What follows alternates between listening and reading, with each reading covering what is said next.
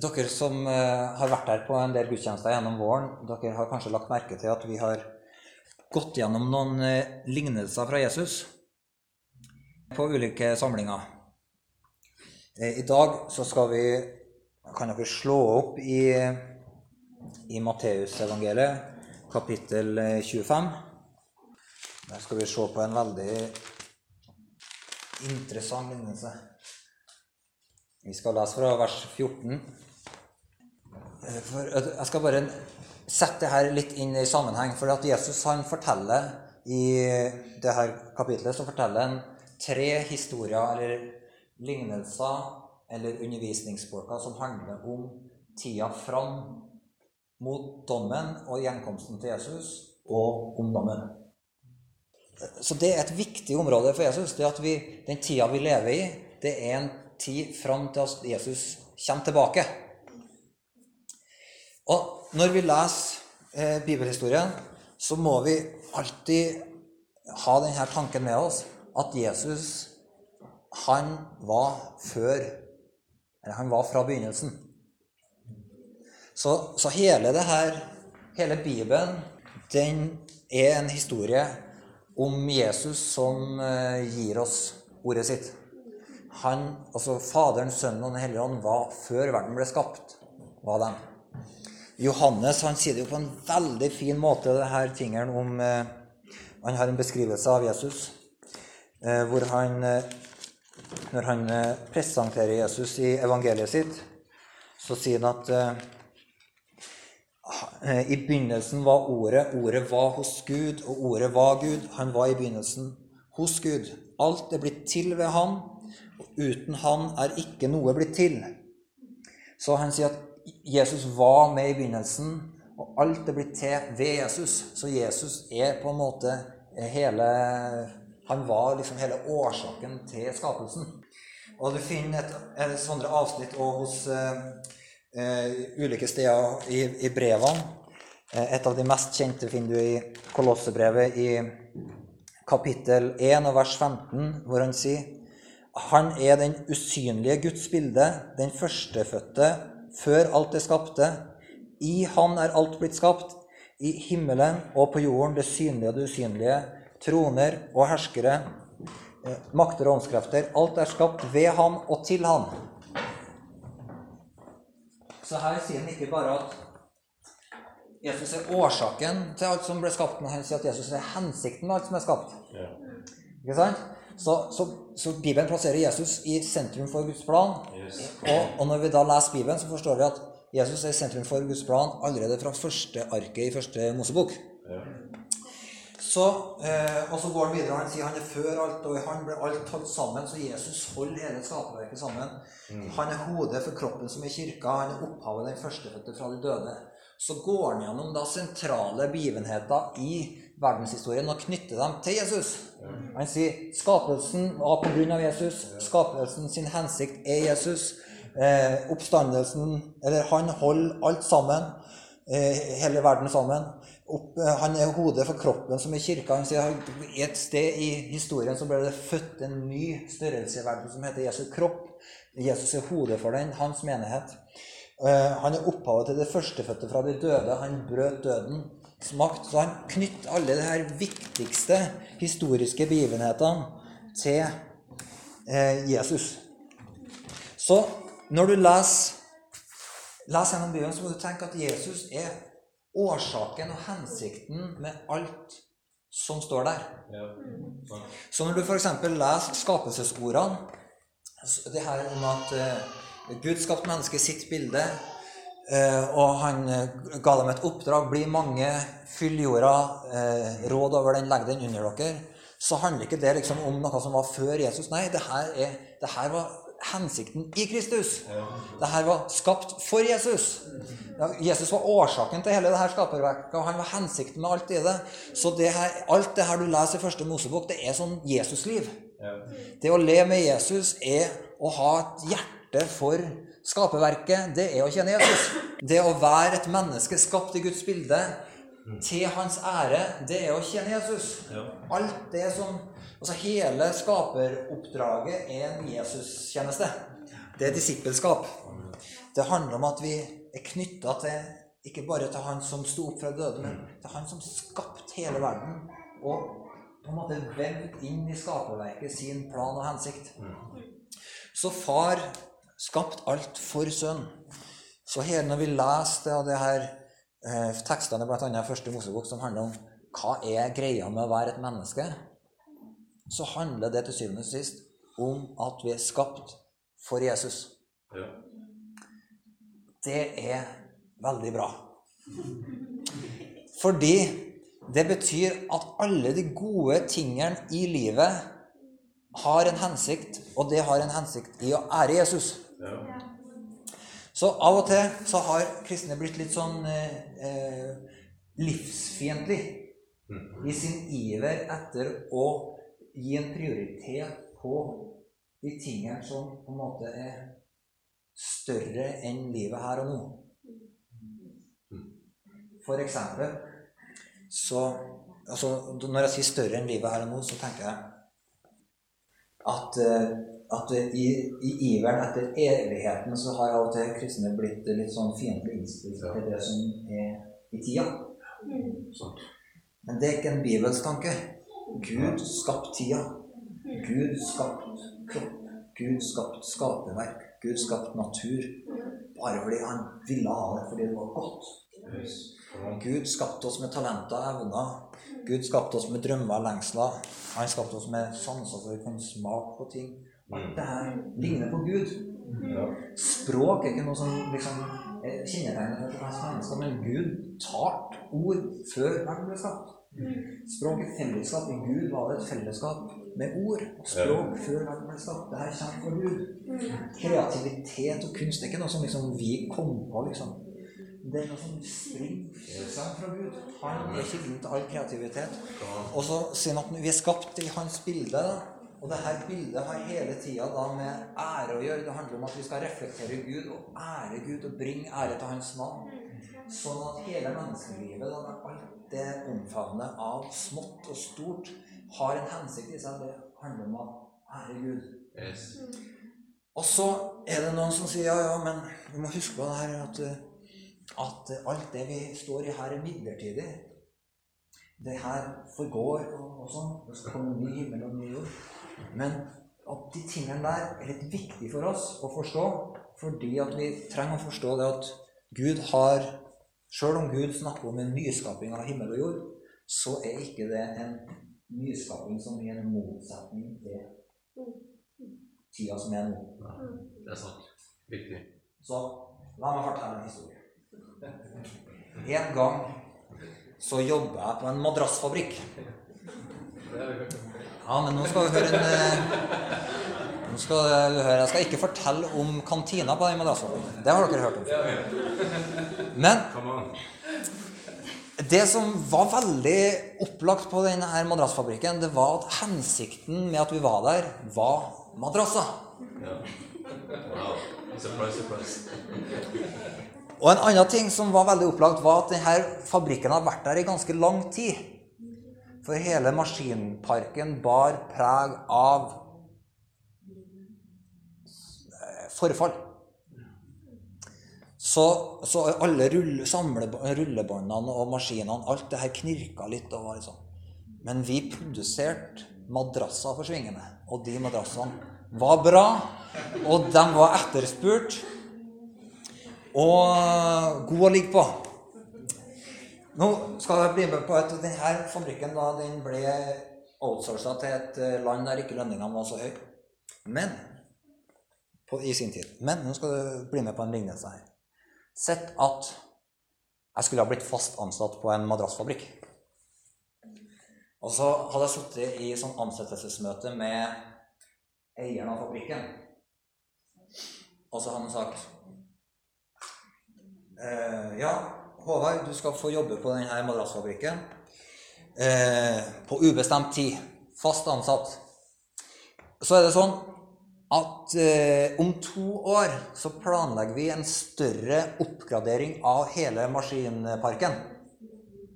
Fordi det her systemet her, det har i seg en iboende svakhet. Det begynner å bli gammelt. Det, det går på en måte i stykker. Men vi har tenkt å fortsette å produsere madrasser. Men vi skal, og de skal være av god kvalitet. Sånn som disse madrassene er av god kvalitet, skal vi, vi skal lage madrasser av god kvalitet. En, kanskje enda bedre kvalitet. Fordi vi skal få fornya hele maskinparken. Og du får være med på hele greia. Og så tar jeg og bare signerer. Jeg tenker fantastisk. Jeg kan få jobbe på malasfabrikk så lenge jeg vil. Og så signerer jeg på papiret. Og så går jeg på jobb. Og så setter jeg meg i et hjørne og ser tomt ut i lufta. Så kommer fabrikkeieren eh, liksom på min første arbeidsdag og så sier han, 'Hvorfor sitter du her og bare i hjørnet? Hvorfor er du ikke med å produsere madrasser?' Nei, men du har jo sagt at du skal jo fornye og oppgradere hele maskinparken. Eh, Jeg sitter bare og venter på at det skjer. Og så sier han fabrikkeieren nei, nei, nei, nei, nei, nei. Du har ikke skjønt Vi holder på å produsere madrasser. Det er derfor du er her. Det er derfor du er ansatt. Ja, men har ikke du sagt at hele maskinparken skal bli ny? Nei, men eh, det, altså, Nå produserer vi madrasser. Det er jobben din. Kom, til, kom i gang, liksom.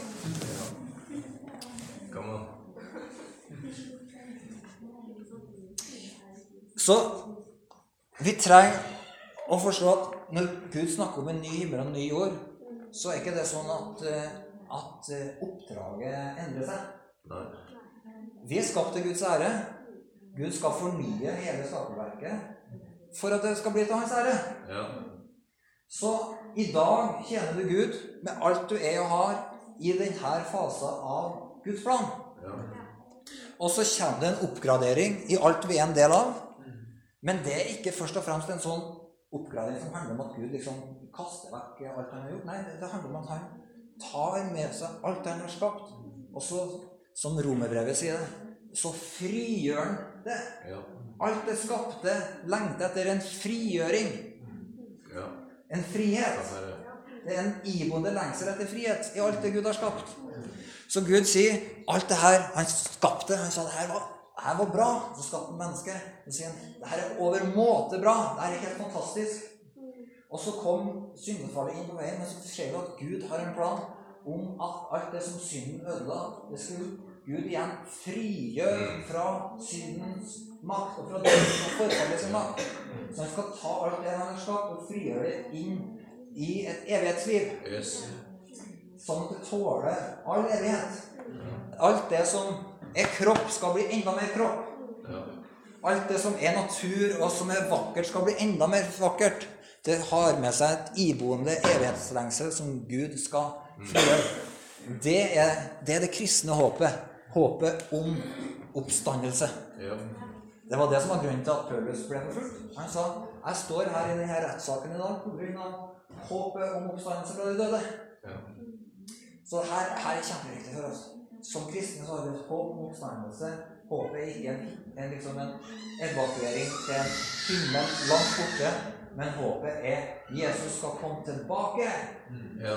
Jesus skal frigjøre alt det som er lagt under synd og død, og han skal reise oss opp til uforgjengelig liv. Yes. Bra. Og da, men han skal ikke forandre sin plan.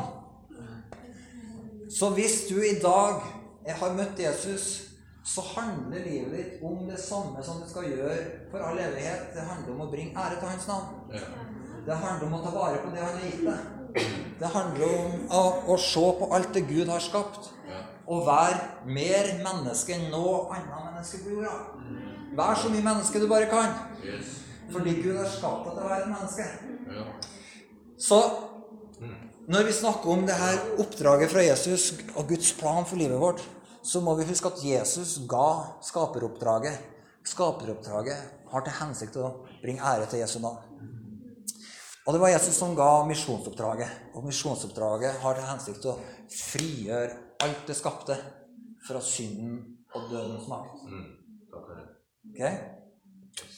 Så jeg hadde bare lyst til å nevne de her tingene når vi leser lignelsen her til Jesus. fordi at når Jesus da snakker om sin gjenkomst, så forteller det oss at eh, det Jesus snakker om, det er at han ønsker å bringe med seg himmelen hit.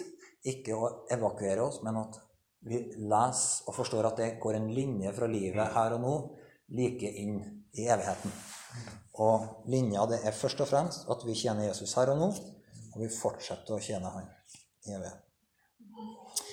Matteus 25.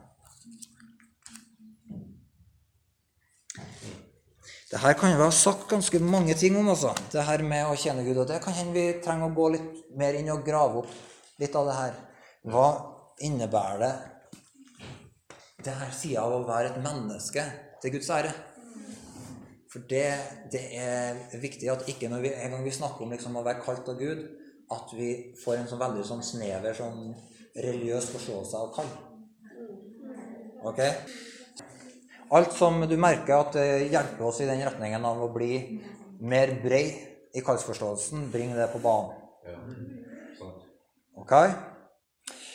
Så Jesus snakker da om himmelriket. Så sier han i vers 14.: Det er som en mann som skulle dra utenlands. Han kalte til seg tjenerne sine og overlot dem alt han eide. En ga han fem talenter, en annen to, og en tredje én talent, etter det hver enkelt hadde evne til. Og så reiste han. Han som hadde fått fem talenter, gikk straks bort og drev handel med dem og tjente fem til. Han som hadde fått to talenter, gjorde det samme og tjente to til. Men han som hadde fått én talent, gikk og gravde et hull i jorda og gjemte sin herres penger. Da lang tid var gått, kom tjenernes herre tilbake og ville holde regnskap med dem. Han som hadde fått fem talenter, kom fram og hadde med seg fem til og sa, 'Herre, du ga meg fem talenter. Se, jeg har tjent fem talenter til.'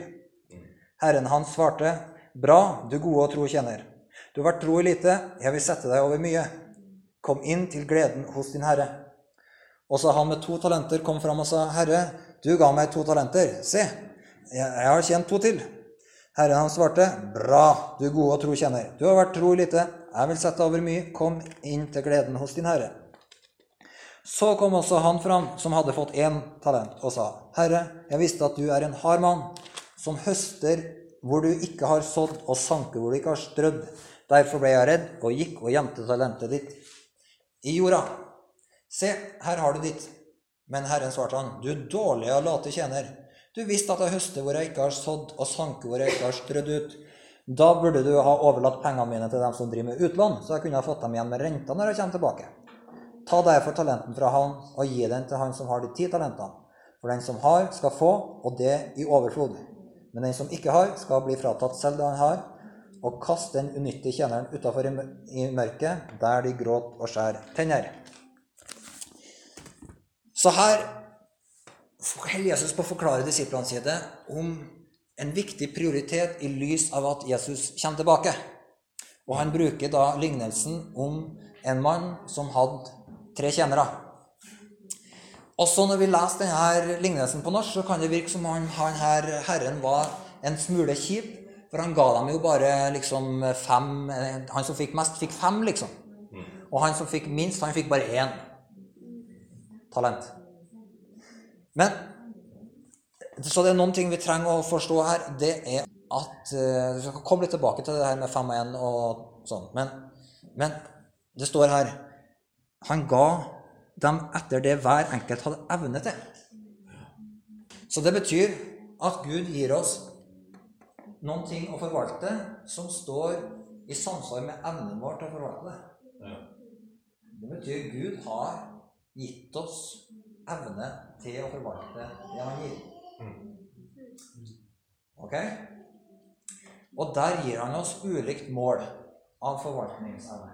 Han det. Og han betror oss ansvar i for, Han betror oss ting i forhold til evnen vår til å forvalte. Ja. Så det betyr at Gud gir meg og deg ting å forvalte. Det handler om ressurser. Det handler om tid. Det handler om evner og talenter, gaver, utrustning. Eh, det handler om eh, muligheter. Potensialer. Åpne døra til utdannelse eller til jobbmuligheter. Andre ting som Gud gir oss å forvalte. Og så sier han at alt det her er en tjeneste, det er en forvaltning for meg. Som vi som kristne, når vi lærer oss å omfavne hele livet, så gjør vi aldri på en måte skaperverket til, til Gud. Vi tar ikke og Vi tar ikke og, og, og setter gaven i sentrum. Men vi forstår at forvaltninga har en retning. Yes. Eh, så, så det her er veldig viktig, fordi at det er en av skillelinjene på det som Bibelen kaller for eh, verden, som går til grunne, og den nye skapelsen. Mm. Verdens system, opprøret mot Gud, syndens system, det tar alt det skapte og setter oss sjøl i sentrum. Ja. Så det handler om at jeg forvalter mine drømmer for mitt beste. Jeg fyller livet mitt med alt det som jeg sjøl eh, føles best her og nå. Mens Jesus sier at nei, må forstå at forvaltninga av alt har en hensikt. Det, det er en tjenerskap som skal bringes, mangfoldiggjøres tilbake til Han som har gitt oss alt. Ja. Og det er i forholdet til skaperverket, så er det det store, store skillet som går mellom rettferdige og gudelige. Ja. Det er og mellom det falne og det gjenfødte. Det er om retningen på det er at vi bruker det for oss sjøl, eller om retningen er til Gud. ja. Så i alt du er involvert i, alt godt Gud gir, så arbeid med hjertet ditt. Gjør alt du gjør, til en gudstjeneste. Paulus han bringer det her helt inn i, i de mest krevende situasjoner. Han sier eh, dere som eh, er slaver, gjør tjenesten dere ikke så øyentjenere for Herren, men som en gudstjeneste. Mm. Som dere, for dere tjener Gud og ikke mennesker. Her han tar helt inn i den i, i på en måte en, en eh, vanskelig menneskelig situasjon. Ja. Og så sier han Men hør her, du er frikjøpt og tjener Gud. Tjener du den her? Handler egentlig ikke om den her den herren din, den menneskelige herren som du kjenner, det handler om at du har fått noe å forvalte. Det er Guds ære. Ja. Du kan snu fra å være en trell for mennesker, så kan du snu det her til å være Guds frikjøpte, som bare bruker alt du har i din innflytelsesfære til å ære mitt navn. Tenk for eksempel på Josef, som ble kasta ned i fangehullet. Bare begynte å ære Gud og ble opphøyd. Ja. Og som, som alt han tok i, var velsigna. Så den nye skapningen har med seg det her at alt vi er involvert i, om det er ekteskap, familieliv, om det er arbeidsliv og alle slags mulige arbeidsplasser, der du, om du er er lærer eller ingeniør eller hva det er, så har det i seg en Du tjener egentlig ikke mennesker. Du tjener Gud. Du er Herrens frikjøpte. Og alt du gjør, har i seg denne radikaliteten av at jeg innvier hele livet mitt til å tjene Gud. Jeg tjener ikke mennesker, jeg skal stå til ansvar for Gud. Jeg har ikke, jeg har ikke lønningsposen min hos mennesker. Det er veldig viktig. For den som har lønningsposen sin hos mennesker, han vil alltid gjøre det mennesker sier. Men den som har lønningsposen sin hos Gud, han vil alltid gjøre det Gud sier. Sjøl når han mister lønningsposen hos mennesker, Mm. så mister han den ikke hos Herren. Det, så her, her er viktig. Det er folket som seirer, de frykter Gud på en sånn måte at de vet at alt de har, kommer fra Gud. Alt i livet mitt skal ære Han. End of discussion. Ja. Frihet. Så det også, Og Paulus snakker på samme måte til dem som er herrer. Så sier han husk på dere som er herrer, at dere sjøl har en herre i himmelen. Han gjør ikke forskjell på folk. Du er akkurat like mye en tjener for meg. Du, du trenger, hvis du behandler folk dårlig, så får du med meg. Men du trenger å forvalte da, de her arbeidsstokken din på en sånn måte at alle de har det godt. Det er en gudstjeneste i det. Så vi er Herrens frikjøpte som har fått ting å forvalte til Guds ære. Samme hvor vi er. Så på den måten helliger vi og innvier alle områder av livet, sånn at alt vi er involvert i, blir en gudstjeneste for Han. Han som fikk bare ett talent. Stakkars. Vet du hvor mye ett talent var verdt, eller? Jon Inge? Nei, jeg vet ikke. Tone, vet jeg. Seks- 6000 dagslønner. Eh, Røftlig regna i, i litt sånn eh, omgjort da, til norske penger, så er vi oppe i en eh, 17 I datidens eh, arbeidsliv så var det 25 års arbeid. 25 år. Ok. Ok, Så vi snakker om han som fikk minst, da. Han fikk et tosifra antall millioner. Vær så god. Det var liksom ikke sånn Her er én talent, vær så god. Det var sånn Ok, fire lastebiler til. Kom igjen, kom igjen. Ok, her er ditt Denne her bakgården her har vi stappa full med varer og ting du skal forvalte. Og så sier han ok. Eller han fikk det antageligvis i gull. Det, var ikke, det kunne ikke ha vært lite enn eh, gull. Det var ganske mange kilo med gull. Og det var liksom sånn Ok. Han kommer til å kreve meg til ansvar for det her. Jeg må grave det ned. Og det er da du tenker Alle dager, hvorfor skal du grave det ned? liksom? Alt det her. Mangfoldige millioner, liksom. Men på en måte så tenker at det handler om at han eh, må ha hatt et litt eh, litt eh, Han kjenner bare én side ved Gud. Ja, det er som Fordi Gud gir, eller eier gir en rett. Du vet at det er en streng herre. Det sier Bibelen. Ja. Gud er streng. Gud er rettferdig. Ja. Gud holder oss til ansvar. Ja. Men hvis du òg kjenner Gud som nådig og barmhjertig, som en god far som øser over med velsignelse, så vet du at, at det er ikke frykten for straffa som styrer hvordan du lever. Men du lever ut fra en tro til Gud. Du lever ut fra at du vet at ja, nåden holder. Men jeg som bruker alt, alt jeg har, det er en gave fra Gud som jeg forvalter til Hans Herre. Mm. Og han heier på meg. Han velsigner meg. Så vi trenger et rett bilde av Gud for å ikke bli sånne som graver ned det vi har. Men vi trenger òg vite at Gud er streng.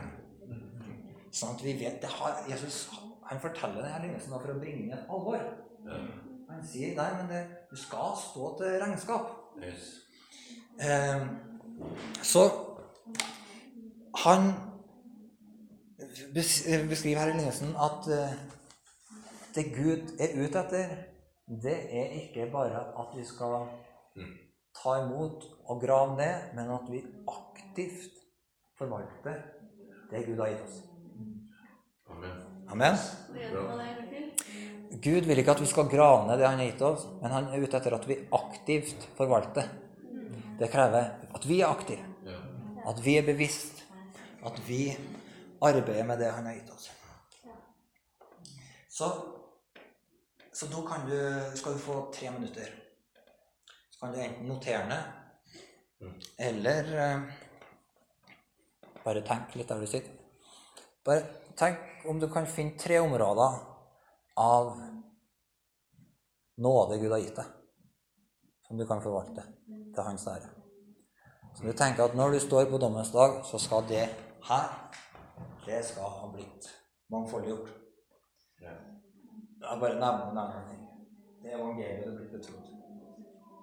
Eh, de ressursene du har blitt betrodd av penger og økonomi, Mm. eller den utdannelsen du har blitt betrodd, eller de evnene og gavene du har blitt betrodd, eller de folkene i livet ditt som Gud har gitt deg. Mm. Så bare tenk gjennom og be Den hellige ånd om å minne deg på er det tre områder i livet som du på ny skal ha et særlig fokus på og forvalte. Vi skal bli med tilbake på eh, madrassfabrikken. Så kan dere se for dere at jeg hadde skjønt det her, at jeg kunne ikke bare sitte i et hjørne og stirre på produksjonen fram til maskinparken ble oppgradert. Fordi her produserer vi madrasser. Men sett nå en annen dag at sjefen hadde kommet inn. Og så hadde han, eh, eller så hadde han gått på, på datasystemet sitt. Og så hadde han sett på de ulike, fire ulike produksjonslinjene på fabrikken. Og så hadde han sett at på den produksjonslinja der jeg hadde fast tilhold, så ligger liksom eh, produksjonseffektiviteten en 23% under de andre fire linjene. Så begynner jeg å lure på hvorfor er det sånn. Og så kommer han ut fra kontoret sitt, og så observerer han, og så legger han merke til at hvert eh, femte minutt så er jeg opp med mobiltelefonen og sjekker VG Live. Så tenker jeg det er forklaringa. Denne fyren, han, eh, han er bare halvhjerta i det han gjør. Mm. Og så oppgraderes eh, fabrikken, og det skal ansettes masse nye folk. Og så sier han til han som står på den første produksjonslinja, så sier han ja. Jeg har tenkt at nå skal vi jo gå fra fire ansatte her til 400. Men du tar ansvar for 100. Så går han på den neste produksjonslinja og sier han ja, du har ansvar for, for 200. Så går han til den tredje produksjonslinja og så sier han du har ansvar for 100. Og så tenker jeg hallo? Alle her skal jo få ansvar for noe. Jeg var det 400 ansatte? Så tenker jeg, Kanskje jeg blir ansatt på kontoret? Så sier han du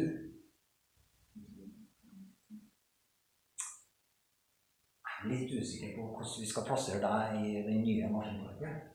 Linja di ligger 24-23 under de andre produksjonslinjene. Du kan i hvert fall ikke få ansvar for 100 ansatte. Men hvis du vil, skal du få være med videre Produksjon. kan få ansvar for kaffemaskina.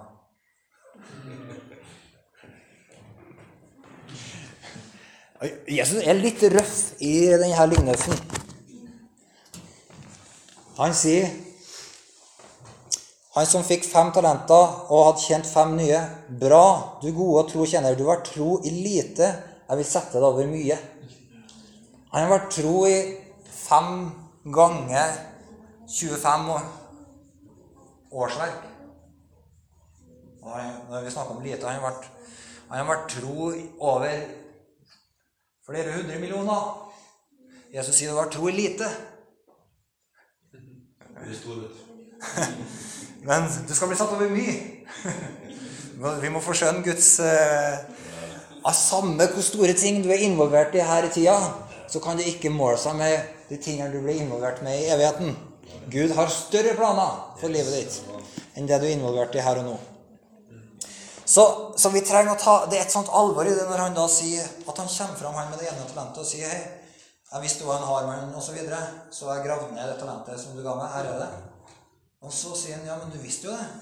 Du visste at kommer en, jeg kommer tilbake. Du visste at jeg skulle kreve det som er mitt. Og så kaster han den kjenneren utafor, der de gråter og skjærer tenner. Så vi Så du trenger ikke å lese det her eh, verset i et sånt lys av at, eh, at uh, utroskap i tjeneste fører til fortapelse. Ok? Det er, stemmer ikke i lys av hele Guds ord. Bare så det er sagt. Det her, når du går leser lignelsen, så trenger du ikke å ta alle detaljene i, i lignelsen. Det er hovedpoenget som er poenget. Ok? Så Jesus Paulus sier andre steder at om det du har investert i livet ditt, går tapt, skal du likevel bli frelst, men du får ikke noe lønn for det. Ok? Det er alltid et alvor i forvalterskap. Men det er ikke det samme som å gå fortapt. Ok? Men det vi trenger å huske på, at, at karakteren vår har evighetsbetydning. Yes. Det å bygge karakter i tida her og nå, i å lære oss å forvalte det Gud har gitt oss det, Den karakteren Gud gir oss, opphører ikke. Den forsvinner ikke. Personligheten din forsvinner ikke. Så karakteren din blir med videre. Og ved Guds nåde får du antageligvis lov til å jobbe på den videreutvikle karakteren i all evighet. Jeg tror Gud jeg, Jeg håper for Guds skyld at jeg får nåde til å jobbe ut fra Guds liv i å bringe ære til Han, og at Gud får gjøre sitt verk Mm. Men det er en sammenheng mellom eh, livet vi lever her og nå, og oppgraderinga. Og frigjøringa og oppstandelsen. Som gjør at vi trenger å tenke at, eh, at, eh, at det her med å ta vare på det Gud har gitt oss, det er ikke bare en sånn hva skal jeg si, det er ikke en sånn talentutvikling for dem som er liker å holde på med talentutvikling, eller for folk som er spesielt aktive, eller et eller annet sånt. Nei, det er for oss alle å ta vare på det Gud har gitt, har med seg et alvor av forvaltning i seg, som har evighetsperspektiv. Eh, og som gjør at vi skjønner at det vi holder på med og er involvert i, det er dyrebart. Det har med framtida å gjøre, det har med nåtida å gjøre, det har med Guds ære å gjøre. Alt i livet. Det er fantastisk. Så Herre, vi ber om at vi i lys av undervisninga di, Jesus, at vi skal få være forvaltere, Herre. Så alt vi gjør, at uh, vi gjør det som en tjeneste for deg, Herre. Så vi kan innvie livet vårt Herre, til, til å være dine tjenere, Herre, ikke, ikke mennesketrella, Herre. Herre, at den som taler, skal tale med iver, Herre. Den som tjener, skal gjøre det helhjertet, Herre. Den som gir, skal gi med glede, Herre. Den som viser barmhjertighet, Herre, skal virkelig vise barmhjertighet, Herre. Herre, at du skal, at du skal få, få, et sånt folk, Herre, som har en gudsfrykt og en himmel, Herre, over alt vi gjør, Herre. Og Herre, sånn at uh, det her uh, summen av alle ting, Herre, kan bli til Jesus sin ære. Både nå, Herre, og i alle evigheter, Herre. Jesus. Herre, vi ber for denne sommeren at vi bare innbyr og hellige, Herre. Uh, herre, arbeidsdager, Herre, og feriedager, Herre. Vi innbyr familieliv, Herre, og samtaler, Herre, i hjemmet, Herre. Vi innvier deg for deg, Herre Jesus. Herre, vi innvier dagene våre og sier, Herre, at til og med Herre, når vi er på stranda og spiser is, Herre, så vil vi gjøre det til din ære. Herre, og gi takken tilbake til deg, Herre. Herre, fordi at alt som er godt, kommer fra deg, Herre. Og Herre, vi er så takknemlige, Herre. Herre, takk for mat med smak, Herre. Herre, takk for uh, friskt vann, Herre. Herre, takk for varme fra sola, Herre. Herre, takk for vennskap, Herre. Herre, takk for eh, vår forelskelse, Herre. Herre, takk for eh, fred i hjertene, Herre. Herre, vi bare bringer alt tilbake til deg, Herre, og sier at alt du har skapt, Herre, Herre, det, det er godt, Herre. Og Herre, vi, og herre, vi vil si vi vil være med å ta det her verden tilbake til deg, Jesus. Herre, vi vil være med å ta herre, kunsten tilbake til deg, Herre. Vi vil være med å ta næringslivet tilbake til deg. Jesus. Herre, vi vil være med å ta ekteskap herre, tilbake til deg, Jesus. Barneoppdragelsen tilbake til deg, Herre. Herre, sånn at denne jorda herre, kan bli full av kunnskapen om din herlighet, Jesus.